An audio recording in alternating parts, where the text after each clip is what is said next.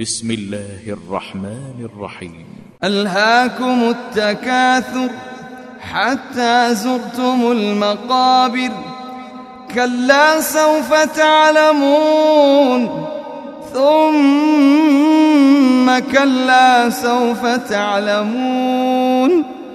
كلا لو تعلمون علم اليقين.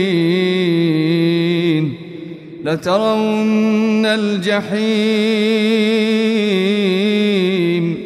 ثم لترونها عين اليقين ثم لتسألن يومئذ عن النار